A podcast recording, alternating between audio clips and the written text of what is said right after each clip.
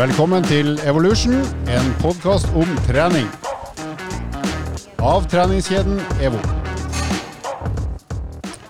Da er vi tilbake igjen, folkens. Eh, takk for at du fortsatt hører på. Så er du ny, så takker vi for det òg. Bli eh, med oss i en 100 episoder til, så er vi glad og takknemlige for det. Eh, vi som er rundt bordet i dag, er Andreas. Si hei. God dag. Lars, du kan si god dag. Hei, hei. Ikke sant? Og så er det meg, da, som eh, sitter ved de to spakene vi har, og jeg heter Halvor. Hei til meg.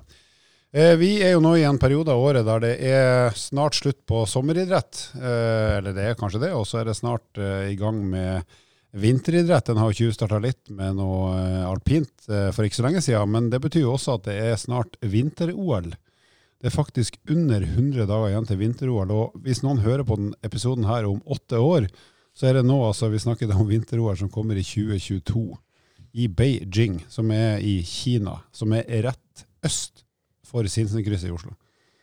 Ja, det er i hvert fall øst. Ganske det. langt Kanskje øst. hvis du fjerner rett. Så. Har du vært i Kina? Nei, jeg har ikke det. Jeg har vært i Sverige Likevel. to ganger. Det er eh, faktisk eh, en ting eh, hjemme hos oss. Faren min han reiser kun vestover, med mindre det er til Sverige. Det er hans greie. Så han kan fly jorda rundt da, med bokstavelig talt. Jeg tror kanskje at uh, to sånne fotballturer, en til Tyrkia og en til Ukraina, har satt noen spor som ikke gjør at flyet skal østover, for å si det sånn. Jeg har vært i Australia et år. Det er vel det mest bemerkelsesverdige jeg har gjort på reisefronten. Og Göteborg i høstferien. De to er vel topp to. Dette forklarte du for oss her om dagen med tanke på surfing. Ja, eh, ja det, det er jo 20 år siden og 30 cm hår siden jeg var i Australia. Men da prøvde meg på surfing, eh, ikke vanlig surfing, men det som kalles longboard, som er så svært at selv en ubrukelig fyr som meg kan stå på det uten å ramle med en gang. Men sammenlagt surfetid på vannet i løpet av det året jeg var der, primært for å studere, da, det var 49 sekunder. Fordelt på utallige forsøk.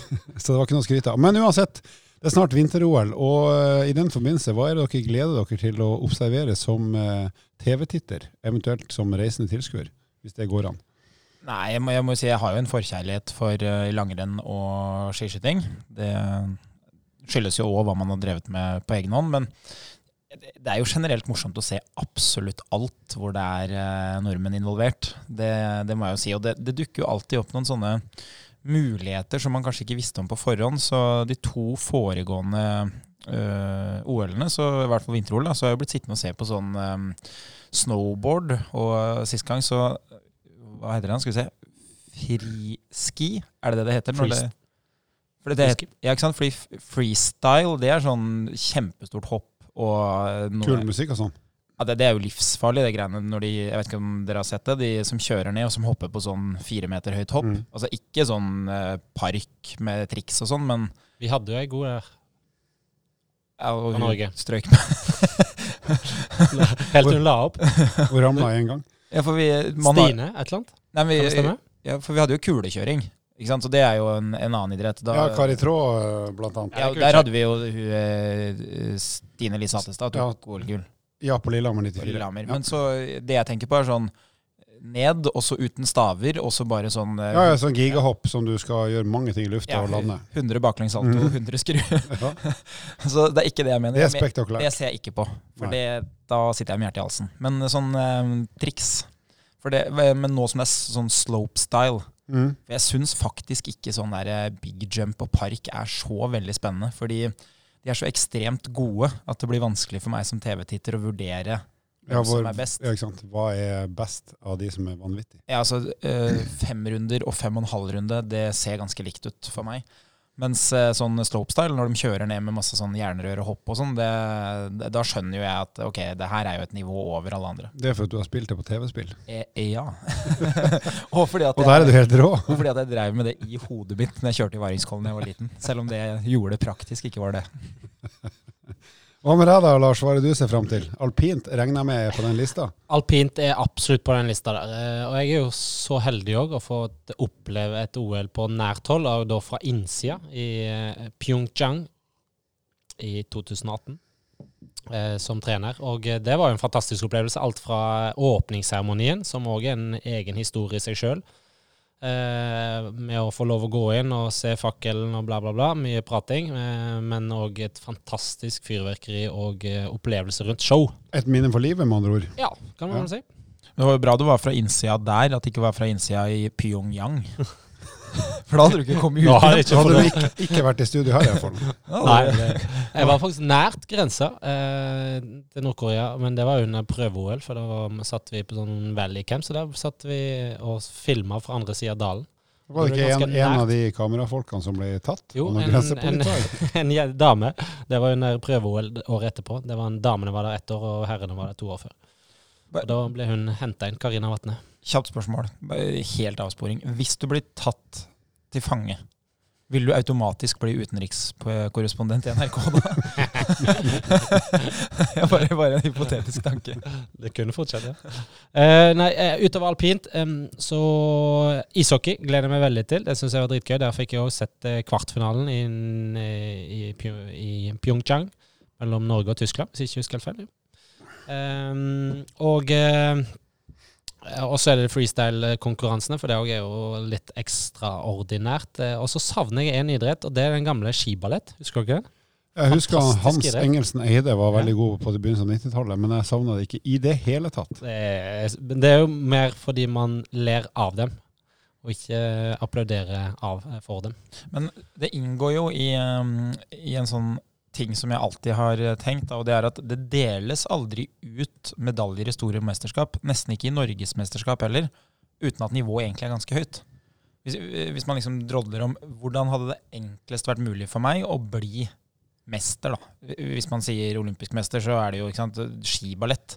Ja ja, det høres jo helt tullete ut, men det hadde vært ganske vanskelig å vinne. Det hadde vært ganske- vanskelig i seg sjøl, og med de leggene dine så hadde det vært umulig. ja, men jeg For deg, altså. ja det, det er sant. Men jeg tenker på at de som er best, er ofte ekstremt gode. Ja, det er en, en coach på Olympiatoppen, han heter Roger Gjelsvik, og han har sagt mye rart og mye bra. Og en av de tingene han har sagt, er at hvis det er mer enn tre mennesker som prøver å bli best i verden, så blir det vanskelig å bli best i verden. Godt Og det er dessverre sånn det er. Hva gleder du, hva, hva gleder du deg til? Først og fremst så gleder jeg meg til å rett og slett få se på masse sport sammenhengende foran en skjerm. Så eh, uten at han som er sjefen vår skal høre det, så har jeg vel tenkt at jeg kanskje kommer til å være litt småsjuk i den perioden der, eller kanskje ha en del hjemmekontor. Eh, uavhengig av tidsdifferanse, for det kommer jo til å gå døgnet rundt med repriser. Og, for jeg syns egentlig det er kulest å se på ting uten at jeg vet hvordan det går. Ja. Så det å prøve å holde seg på en eller annen måte, ha en rutine for å se ting i opptak uten å vite resultat, hvis det er mulig, så skal jeg prøve på det. Men skøyter selvfølgelig, for der har jeg jo, de har jeg jobba med, og så syns jeg det er fascinerende i seg sjøl. Og vi har mye gode løpere der. Og så er jo skiskyting en eh, bankers, for det er spennende uansett hvem som vinner. Så der tenker jeg nesten det er like gøy om det er norsk eller utenlandsk som vinner, så er det spennende uansett. Hvis det er Jakob Fak. Jakob Fak, ja. Han er kanskje med, han, eller la han opp i fjor? Jeg tror han er med nå. Han har vel eh, faktisk vunnet gull på 20 km, tror jeg, en gang, når han skjøt fullt hus. Ja, i VM. Han er ikke raskest i elsporet. Han frøs jo fingrene sine for to år siden, så jeg er litt usikker på om det går bra. Han har ikke tina de opp. Og så har vi kanskje de satt fast i avtrekken. Det er jo en Sven ulempe. Fischer uten hansker. Åh, Det var legendarisk. Tøft. Tysker, Stav, Lars stav, Berger. stavtaket hans. tysker selvfølgelig. Han hadde Stav, rett. håndtaket heter det. Jeg, Nok en avsporing, bare for å Nummer tre i dag, vær så god. Sånn uh, skiskyttergevær, da. Nå er vi jo inne på noe jeg er ganske godt kjent med. Så i um, barneidretten så skyter man jo gjerne med at man lader uh, på en ganske sånn standard måte. Man har en sånn kule som står ut, som man må trekke fram og tilbake. Eh, mens når man blir voksen, så, så har man et ladegrep som er tommel-pekefinger. Så du trekker tilbake og lader med tommelen. Men Sven Fischer han hadde da en tysk modell som eh, jeg hadde lik, som jeg lånte av Forsvaret. Og det var en rettrekker, hvor du lader med eh, det som du da har som eh, feste for hånda di. Så Ja. du vipper da fram og tilbake den delen av kolben som du holder i. Det var ganske Det går fort. Det, det gikk Altså, jeg har noen uh, gamle historier uh, som folk forteller fortsatt om når jeg skjøt fem treff på Lygnaseter. Det har aldri vært skutt så fort, for det gikk an å lade så fort med den andre lademåten. Og så gleder jeg meg faktisk til curling òg, selv om ikke det er en sånn eh, actionprega hard fysisk sport, så er det ganske fascinerende det taktiske spillet der. Og der men der må jeg innrømme at der er jeg veldig avhengig av at Norge skal gjøre det bra. Ellers så ramler jeg litt ut av At Pål Trolsen er til stede. Ja, Pål Trulsen er til stede, for han er vel sportssjef eller generalsekretær. Vi var jo kolleger i Idrettsforbundet og satt vegg i vegg. Eh, så han er nok til stede, men han er nok ikke på isen. For nå tror jeg hvis han setter seg ned på knærne nå, så tror jeg ikke han kommer opp. Etter den første stenen er sluppet. Kan du nevne en annen det hadde vært morsomt eh, å se, som også hadde vært norsk i OL? Dorte. Dorte, eller Ja, ikke Skappel. Dordi? Dordi Nordby. Nordby. Ja, Ja. ja, ja. ja, hun var rå. Hun er jo faktisk, nå blir det avsporing igjen, for de som har lyst til å prøve curling, så er jo hun eh, til daglig å finne i, på Bygdøy, der de har en curlinghall. Som instruktør og den som tar imot betaling for eh, tullinger som oss som har lyst til å ha det gøy. Så det anbefales. Hun er flink og kul. Og hockey selvfølgelig, men også kunstløp, som også har en forhistorie med å være fystrener for på 90-tallet. Der fikk jeg en viss innsikt i der òg, hva er det som kreves for å hoppe høyt og snurre rundt sin egen akse. Så det, det syns jeg òg er ganske fascinerende, for det er, det er så høyt nivå. For det er en stor idrett, akkurat som turn, der du er nødt til å satse og ta sjansen på at du kanskje tåler all treninga fra ung alder. Så litt glad for at vi ikke er gode i Norge, for det tror jeg ikke er spesielt sunt for de fleste å prøve på. Men når de først kommer igjennom der, så er det et ekstremt nivå. Vi kan jo tro at det vi holder på med er liksom planlagt og sånn, men eh, det er jo rart at et tilbakevendende tema er kunstløp i den podkasten her. Lenge Jeg leve Oksana Bajol og Jeg har jo alltid det som stikkord. Jeg Jeg bare prøver å få dere til å pense inn på det. Bra, da skal vi over Jeg- til du, jeg har et eh, forslag, ja, bare sånn- Vi skal sånn- ikke over. Nei, helt, nå kan jeg også komme med en, og det er at vi alle søker om pappaperm på vegne av Andreas. For du har vel pappaperm i denne perioden her? Mine fravær pga. idrett startet i eh, fotball-VM 2002. Da gikk jo kampene på dagtid. Da røyk det en del skoledager. Ble ikke veldig godt mottatt hjemme når de meldingene begynte å dukke opp. Det var i Asia, da, var det ikke? Ja, Ja, eh. Det var Japan og Korea. Korea. Ja, Fotball-VM. ja. Ja, det var. Rivaldo, Ronaldo, Mm. Ronaldinho. Brasil slo Tyskland i finalen. Rivaldo. Jeg gråter enda. Rivaldo hoppa over ballen. Cafu. Oliver Kahn slang seg feil vei. Jeg gråter enda. Ja, det det syns jeg du skal. Brasil har aldri vært bedre enn det de var den gangen. De var like gode til to. Til og med var... med Pelle på topp. Nå Ja, det var på tide med en lyd. Greit, da skal vi ha lyd og sette over til temaet. Takk for det. Takk for det.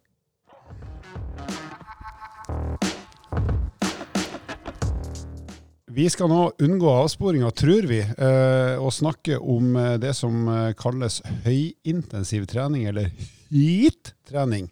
HIIT-trening. Eh, Det er et fenomen som for så vidt har eh, vært lenge, men har, har vært en slags trend i noen år. eh, Der man har prøvd å gjøre den høyintensive treninga mer morsom og mindre langvarig, altså kortvarig, for å prøve å få flere til å kunne tenke seg å gjøre den type trening. Og så er det selvfølgelig en del diskusjoner om hva som er effekter osv. Men hvis vi skal beskrive høyintensiv trening, altså HIIT, så kan vi si at det er intervalltrening med høy intensitet, enten i form av styrkeøvelser eller ren kondisjon. Det er veldig korte arbeidsperioder, eller intervallperioder, og, og enda kortere pauser. Og så er det veldig høy innsats i de periodene du jobber. Så en typisk høyintensiv intervalltreningsøkt består av arbeidsperioder på rundt 20 sekunder, og så er der er bånn gass, og så er det 10 sekunder pause, og så er det 20 sekunder på igjen. Så eh, det Av og til kalles det gerilja cardio, og av og til kalles det tabata. Det har mange forskjellige navn, men det er liksom grunnkonseptet. Så veldig høy intensitet, veldig korte pauser, og også totalt sett ganske kort varighet, sånn i grove trekk. Ja, og jeg har jo hatt eh, PT-kunder i mange forskjellige aldre, og det jeg ofte har forklart det med når kunden har vært eh, en god del eldre enn meg, da. Også meg. Ja, hvis det, Si at det hadde vært deg, bare ribba for treningsfaglig bakgrunn, da. For det er jo kriteriet her. Jeg ribba for hår. Hjelper det? Ribbet. Eh, Da pleier jeg å si at det er egentlig det man husker som sirkeltrening, bare at sirkelen er kutta ned til enda færre øvelser. Og så er intensiteten, altså tempoet og pauselengden, er liksom eh, gjort sånn at det blir høyere puls, kortere pauser. Og så fortsetter vi med sirkelen, men vi bruker da kanskje bare to-tre øvelser til å begynne med, og så bytter vi til de neste øvelsene etterpå. Mens i klassisk sirkeltrening så er det jo vanlig å ha mange flere øvelser. Og det som skjer da, er jo bare at da blir det lengre tid imellom hver gang du trener de samme delene av kroppen. Så hvis du hadde hatt seks forskjellige styrkeøvelser, så ville det jo blitt fem øvelser med pause før den samme muskelen brukes. Mens hvis du har to eller tre, så vil det jo da bli kortere tid, selv om du er i aktivitet og har høy puls. da. Så det her er da typisk hvis du ser for deg f.eks. en som velger at i dag skal jeg trene HIIT med f.eks. på løpet, så kan det da være, hvis du følger denne oppskrifta i veldig ja, veldig bokstavelig, så er det fire minutter oppvarming, og så er det fire minutter der du da jobber 20 sekunder på og 10 sekunder av. Og så er du ferdig med økta, men da har du fire minutter med nedtrapping. Det er liksom den korteste varianten av en sånn høyintensiv intervalltrening på f.eks. mølle. Men det kunne like gjerne vært kettlebell swing eller knebøy for den saks skyld. Altså rett og slett utrolig høy intensitet i eh, noen sekunder, korte pauser, og så holder du på et visst antall minutter, og så er du basically ferdig. Hva tenker vi er effekten av denne type trening? For Vi har jo lest mye om hva som er påståtte effekter, men hva tenker vi er den reelle effekten av la oss si kondisjonstrening? da, Hvis vi tar det først, hvis du løper eller sykler eller går på ellipsemaskin eller ror etter det prinsippet her med 20-10 i noen minutter, og så er du ferdig. Eh, første poeng er jo at det kan for mange være vanskelig å komme opp i riktig intensitet, så du får et utbytte av det rent eh, kondisjonsmessig. Eh, fordi det er jo brutalt å være oppe i den høyeste sonen hvor du ikke klarer å gjøre så mye annet enn å nikke og smile eller le. Så det er på en måte poeng én for de som ikke har trent så mye før. For de som har trent og vært i den sonen eller den intensiteten før, så er det jo ofte mye lettere. Så for dem er det jo at varigheten er såpass kort, og pausen er såpass kort, at man eh, sett under ett så er man egentlig oppe i en riktig sone kontinuerlig i fire minutter, selv om det psykologisk er ti sekunder pause mellom hver arbeidsperiode. Ja, så det du sier at i løpet av det første halvminuttet, minuttet, så kommer du opp i kjempehøy puls, og så blir den høy hele tida, selv om du har korte pauser, fordi pausen er så kort at pulsen rekker knapt å ramle ned før du skal på igjen. Ja, så det blir mer en psykologisk og et mentalt pause, hvor man da kan få rett og slett brutt opp litt og eh, tatt to magedrag før man er på'n igjen. Mm. Det som kan være litt sånn utfordrende, det er jo at um, det man ser i en del av de uh, type treningsmetodene eller oppsettene som sånn eh, studiemessig har vist seg å fungere ganske bra, det er jo at de kanskje ikke passer for absolutt alle. Uh, og problemet er jo gjerne at hvis du har en person som er veldig godt utholdenhetstrent, så har man satt grunnlaget for hvor mye utholdenhetstrening eller hvor lang og hard økta skal være for at du skal bli bedre. Så f.eks. hvis det, man bruker meg, da, som har løpt veldig mye, og så begynner du å innføre en sånn type økt som det her, så vil jeg, det vil være veldig vanskelig å lage et oppsett som på en måte gjør at jeg blir bedre enn å ha lengre intervaller hvor du ligger lenge på høy puls. Og da er du inne på det at hvis du er i veldig god form, så trengs det jo enda mer eh, intensitet og varighet for å bli enda bedre enn du er, versus hvis du er i relativt dårlig form, da du trenger mye mindre Eh, en mindre dose trening for å bli bedre fra ditt eksisterende nivå. Ja, og den samme problemstillinga får du egentlig helt i andre enden. Så hvis du tar en person som er helt utrent, og som gjerne ikke har trent på veldig lenge, så har man jo ofte kanskje litt sånn dårligere kontroll på blodtrykket. Man får ofte litt sånn ubehag ved å ha veldig høy intensitet i starten. Samtidig så vet man at det å ha veldig høy intensitet i starten, det gir ikke sånn vanvittig mye bedre treningseffekt enn å ha moderat intensitet. Fordi belastninga uansett er så mye høyere enn det som man har hatt når man ikke har trent. Så det betyr at man egentlig eh, i en sånn type treningsform som det her kan ekskludere de som er veldig godt trent og som har tida til å trene. Og så kan man ekskludere de som er veldig veldig dårlig trent og som skal i gang med trening. Men imellom der så har du jo fryktelig mange. Det er jo de aller fleste. Og der har du jo et spillerom, ikke sant. Eh, men du kan også bruke de som er godt trent, men som ikke har tid til å trene. For de vil jo ha god effekt av en sånn type treningsøkt. Så det fins mange som burde valgt sånne type treningsmetoder. Eh, bare basert på hvordan form de er i, da, rett og slett. Og da går det an, og særlig da hvis du i utgangspunktet ikke syns at du har lyst til å bruke tid på kondistrening, men allikevel skjønner at det er smart for helsa og formen min å ha en viss dose, så hvis det her er en løsning for deg å trene fire minutter med 20-10, eller la oss si at du til og med gidder å gjøre to, to runder på fire minutter med en skikkelig god pause imellom, så får du en dose som er mye bedre enn ingenting. Eh, så som alt annet, hvis alternativet er å ikke gjøre noe kondistrening, så er det et kjempealternativ. Og også kanskje som en variasjon for de som er i sånn høvelig god form, at man av og til eh, legger inn en sånn økt, selv om det kanskje ikke er helt optimalt treningsmessig, så er det ganske bra likevel. Ja, for, for, det du kan tillate deg her òg, er å variere ganske mye. Hvis du tar kombinasjon av styrke, eh, styrke og kondisjon, eller kondisjonsbevegelsesformer, eh, inn i én, så kan man jo tillate seg å legge til litt mer. Dvs. Si seks eller åtte minutter, så har man f.eks. fire øvelser og to minutter på hver dag. Dvs. Si fire arbeidsperioder på hver øvelse. Så du får et ganske stort volum med høy intensitet, og så skifter du øvelse før du eh, ender opp med da f.eks. fire øvelser på åtte minutter. Og du får en veldig stor effekt av det. Da, men da kan det være greit å prøve seg litt fram da igjen, sånn som alt annet. at hvis du, hvis du tror at du skal løpe i la oss si 20 km i timen på mølla, da, det er ganske fort. Og Hvis du bare klarer det i det første minuttet, så liksom rakner det totalt sammen. Så det er et eller annet med at du må lære deg at det skal være bortimot maks innsats, men det må jo være sånn at du klarer å gjennomføre de antall minuttene med 20-10 eller en variasjon av det, sånn at, du, sånn at du har et gjennomsnitt som er gjennomførbart hele veien. Da. Selv om det er fristende å liksom gå ut i fullstendig eh, bånn gass. Og det er jo det som er litt sånn utfordrende nå, er jo at studiene som ligger til grunn for forventa treningseffekt, er jo gjort med riktig intensitet. Uh, og det man ofte ser, er jo at uh, veldig mange de velger jo kanskje for høy intensitet, som gjør at varigheten må snevres ned. Man kjører for hardt fra start, så man må gi seg bitte litt tidligere enn det kanskje økta egentlig slutter.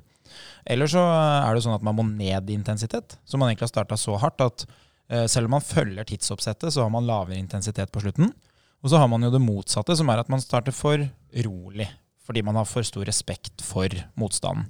Så veldig ofte så ser man at uh, det kan kreve en, en, treningsperiode hvor du får litt erfaring for å treffe på riktig intensitet.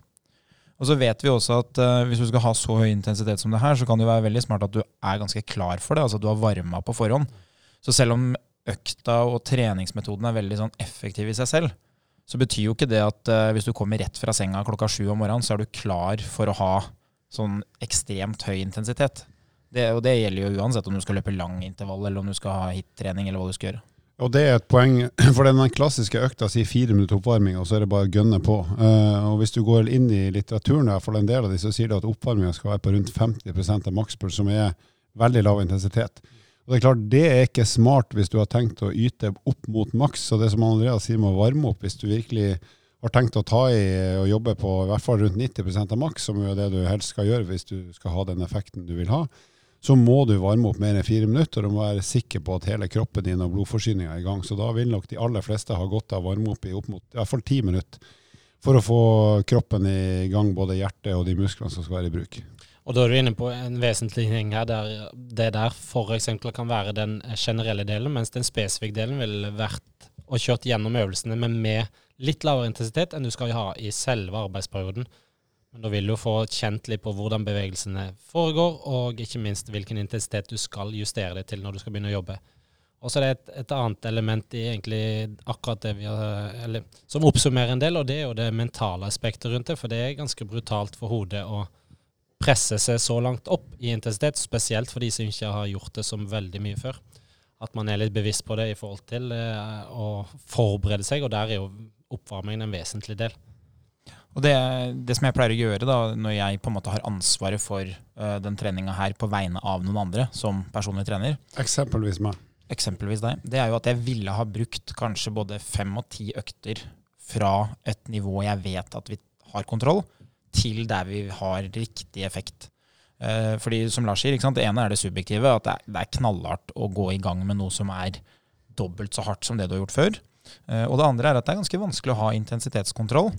Eh, så jeg ville i hvert fall ha sørga for at jeg hadde valgt eh, treningsøvelser som jeg har kontroll på, f.eks. Eh, mølle eller noe som er forhåndsinnstilt. Da. Hvis det er styrketrening, så ville jeg valgt eh, øvelser hvor jeg har kontroll på vektene, og så vært ganske standardisert på repetisjonsantallet.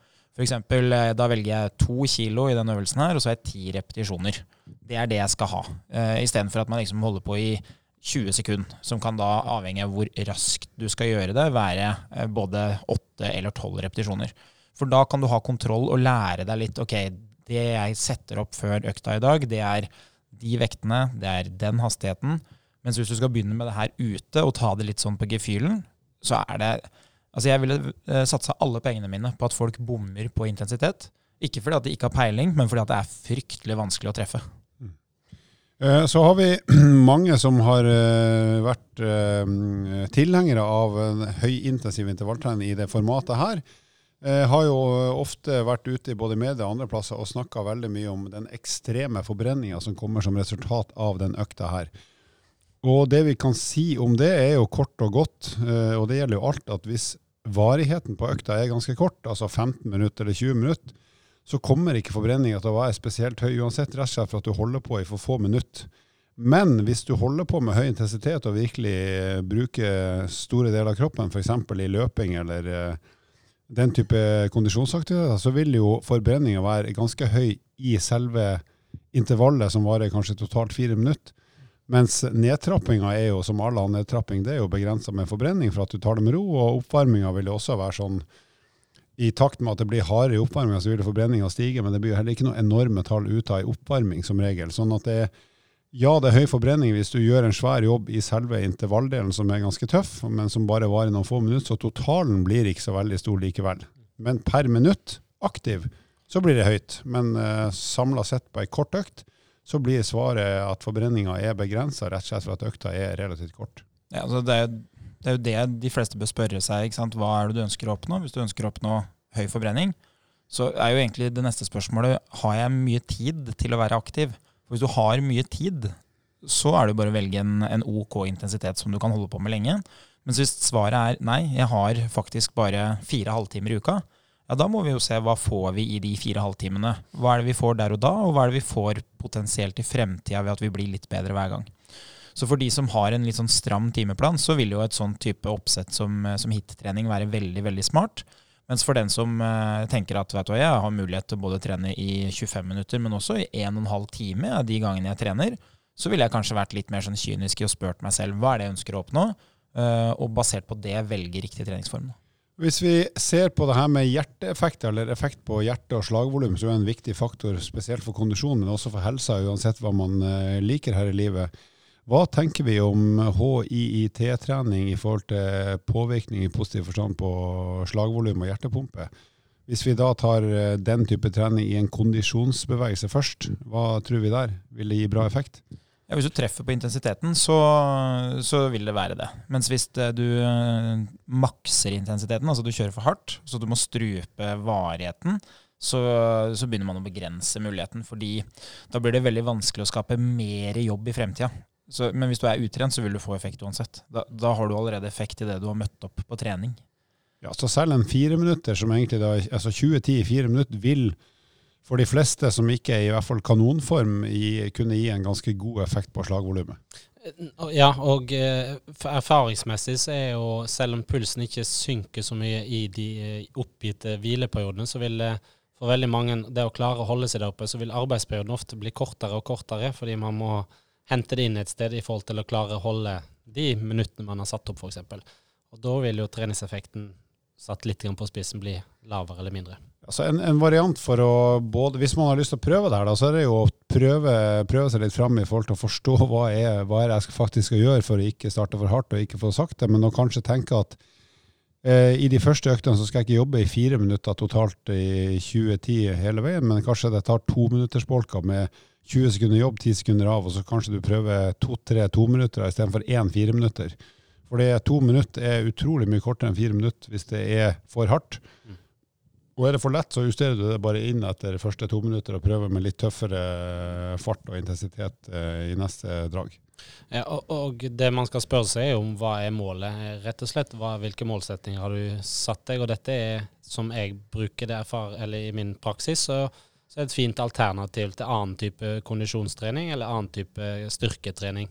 Hvor man da varierer og kan bruke begge metodene eller begge treningsformene inn i den samme metoden si. Og Hvis vi da tenker at vi kjører HIIT-trening som styrke, altså glem nå tredemølla eller romaskin, hva som helst, vi kjører rett og slett styrketrening, hva, hva, tenker vi kan være positive effekter der?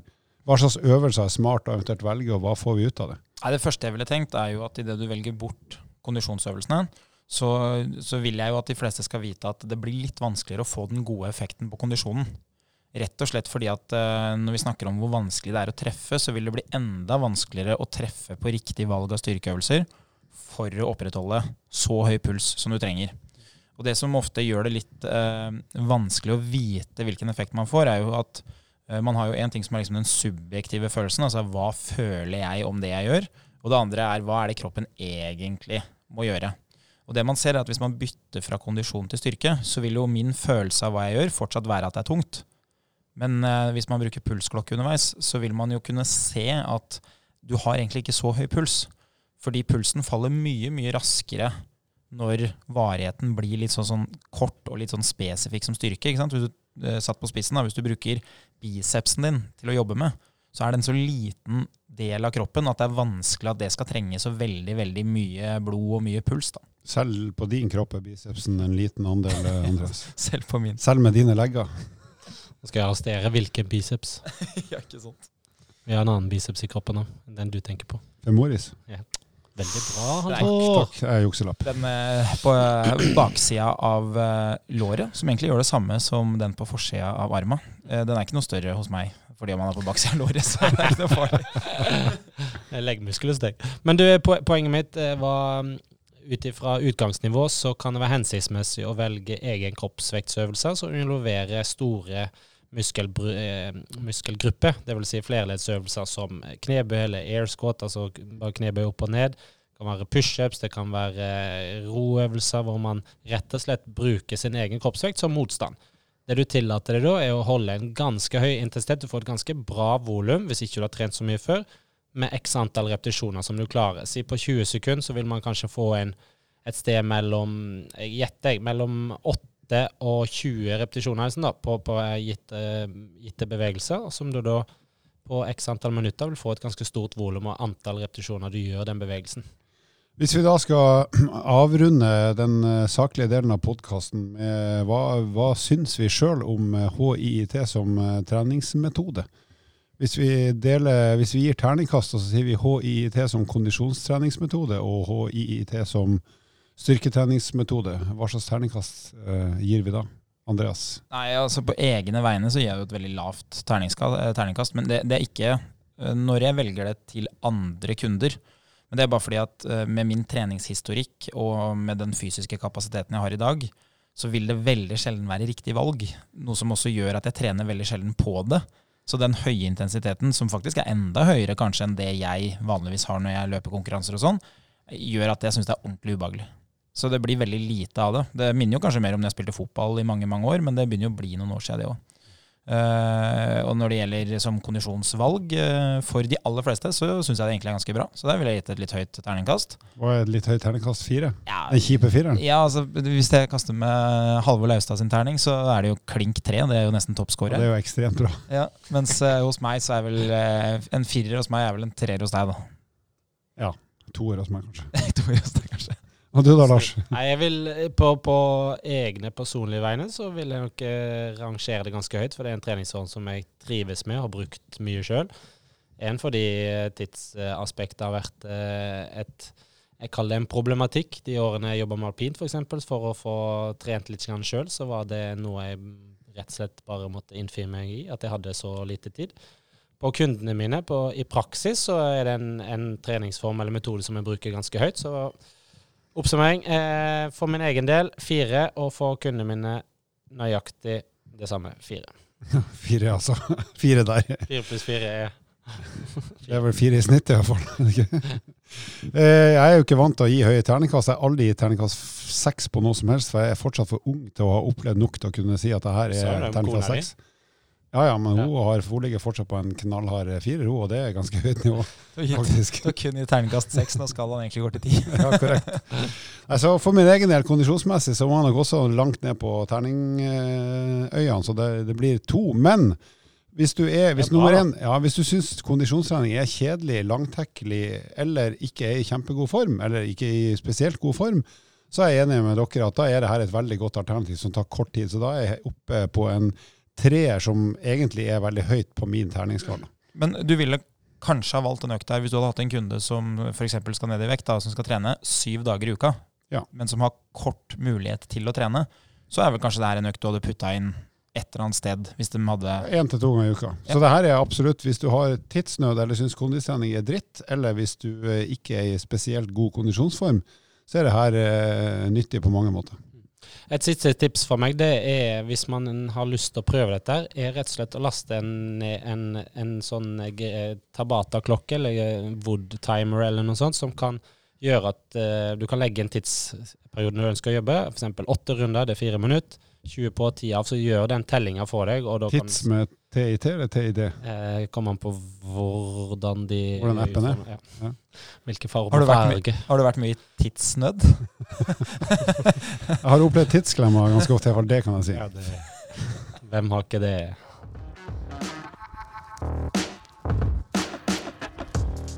Ok, vi skal avrunde en hittil saklig episode med riktignok et par avsporinger med hva vi har bitt oss merke i siden sist. Og jeg forlanger å ha ordet nå, gutta.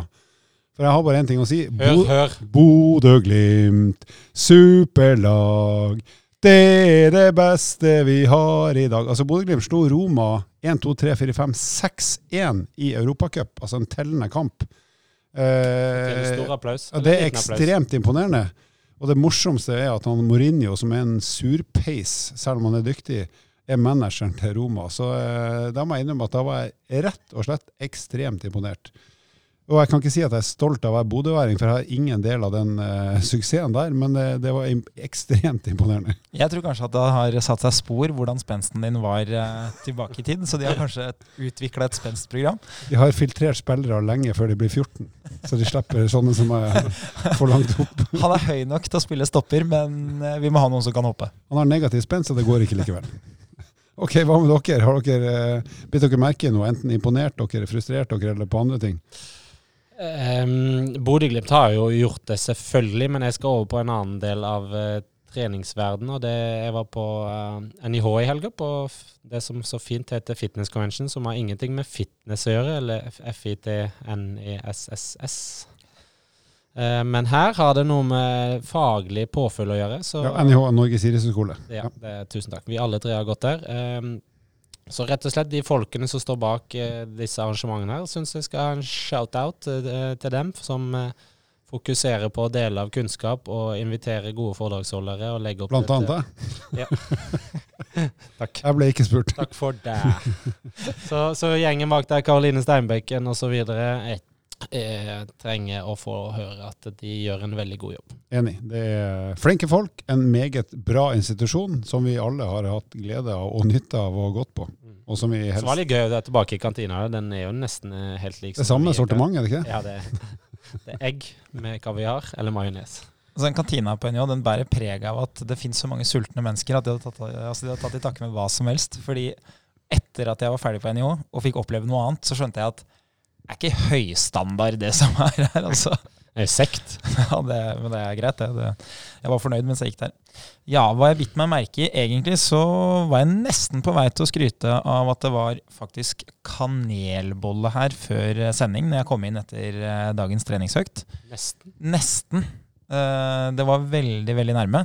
Men så da når jeg tenkte det passer bra med kanelbolle fordi jeg har trent, så kom jeg på tredemølla. Og, og jeg, jeg, jeg har bitt meg merke i tredemølle, fordi nå har jeg faktisk gjennomført hele fire økter. To økter hver uke de to siste ukene. Uh, og um, i veldig, veldig mange år så var jeg veldig mye på tredemølle. Det er en av de grunnene som gjør at jeg har uh, god evne til å ha riktig intensitet ute. Og en morsom ting, det er når jeg løper med andre, så ser jeg at de som har løpt Nå, Lars, nå må du følge med, for det her er noe gutter litt ja, det, her, det som er morsomt, er jo at det gjelder også folk som løper fort. Altså. Men det man ser, da, det er at hvis jeg løper med noen andre, så er det veldig vanlig å løpe på takt. Altså Når du først har funnet en takt, så følger du den. Så det betyr at når det kommer en motbakke, så vil min fart gå ned, for jeg skal ha riktig intensitet. Altså pulsen skal være den samme. Og da ser jeg at de jeg løper sammen med, de løper fra meg oppover. Så har de mye høyere puls på toppen. Og så øker jeg da farta når jeg skal ned igjen på andre sida, for da kan jeg jo løpe fortere med samme puls. Mens de fortsetter da i den samme farta som de hadde oppover bakken. Og det som ofte skjer, da, det er at hvis du da skal ha ganske jevn eh, intensitet for å treffe på det du ønsker å oppnå, så er det smart å kunne regulere intensiteten på den måten. Men det er det veldig mange som ikke gjør. Å gå på da en smell ute når de skal begynne å løpe. For de som er godt trent, så går det greit, for da kan man kompensere for det med at man har god form. Mens for mange av de som skal i gang med trening, og som egentlig ikke har kondisjon mer enn til å løpe kanskje si to-tre kilometer hvis de hadde valgt akkurat riktig fart, de ødelegger mange av sine treningsøkter ved at de har for høy fart i motbakkene. Og da kommer vi inn på tredemølle. Hva er du er imponert over, egentlig? Jo, at hvis man bruker tredemølle, så vil det kanskje være et av de aller, aller beste verktøyene for å kunne lykkes med kondisjonstrening når det gjelder løping. Så det at noen har funnet opp det greiene her, Ja, det nå er jeg med. Du skal rett og slett hylle oppfinneren av tredemølle. ikke sant? Ja. Og, og sørga for at det fins en sånn mulighet. Eh, og spesielt av de som har lagd så bra tredemøller at eh, man tenker det her er faktisk skikkelig bra. Så den mølla som jeg løper på her nede på Sjølhus, som er lagd av Woodway, der tenker man jo det her er jo mer enn forventa. Jeg har også løpt på sydenmøller hvor eh, mitt steg på 15 km i timen gjør at mølla bare går i 12. Så det Ja, du bremser om hver gang. Båndet går ned i bakken. ryker, han opp litt. Men eh, til de som tenker liksom at tredemølla er kjedelig Ja, men det er kjedelig, men ta det for det det er. Det er et ekstremt godt verktøyinstrument for å kunne lykkes med trening. Så hvis du bruker vinteren til å løpe på mølle, så vil jeg garantere at det blir lettere når du kommer ut. Og mange av de kundene som jeg trener i dag, som løper ute, de gjør det fordi de har lyktes på mølla og fått god kontroll på hva de driver med. Når du snakker om tredemøller, så må jeg bare ta en anekdote og avsporing fra mitt eget triste liv. For det at tredemølle, tro det eller ei, men det er, det er min og min samboers gamle eh, signal på at nå skal vi ta oss en eh, liten sigarett. For at når vi fikk unger som etter hvert begynte å skjønne norsk, så kunne vi ikke si eh, skal vi ta oss en liten sigg eh, og et glass vin. Den gangen, nå har vi slutta å røyke, da. Men, eh, Ja, så da måtte, vi, da måtte vi si noe annet, så da begynte vi å si kondispinne, som er et sånt gammelt liksom, tulleord for sigarett. Men eh, så skjønte jo ungene etter hvert eh, hva det betydde, så da gikk vi over, spilte på ordet kondis, og så begynte vi å snakke om tredemølle. Så når jeg og Gild, som er samboeren min, snakka om eh, tredemølle hjemme, så betydde det at eh, vi så for oss en sigarett eller to, og et halvt glass rødvin på terrassen på kvelden. Jeg liker at de fleste tenker da Nå kommer det noe sånn slivrig Ja, det var- norsk Og så er det Hæ? Røyk?! det var faktisk sant. Men det er lenge siden, altså. Men eh, gamle synder. Det var i forrige uke. Ja, det er flere timer siden. Lik pinne. Da tror jeg vi må avslutte, for nivået kan ikke bli lavere. Takk for oss. Takk for oss. Vil du vite mer om trening, abonner på podkasten og sjekk ut vårt treningsmagasin på evo.no.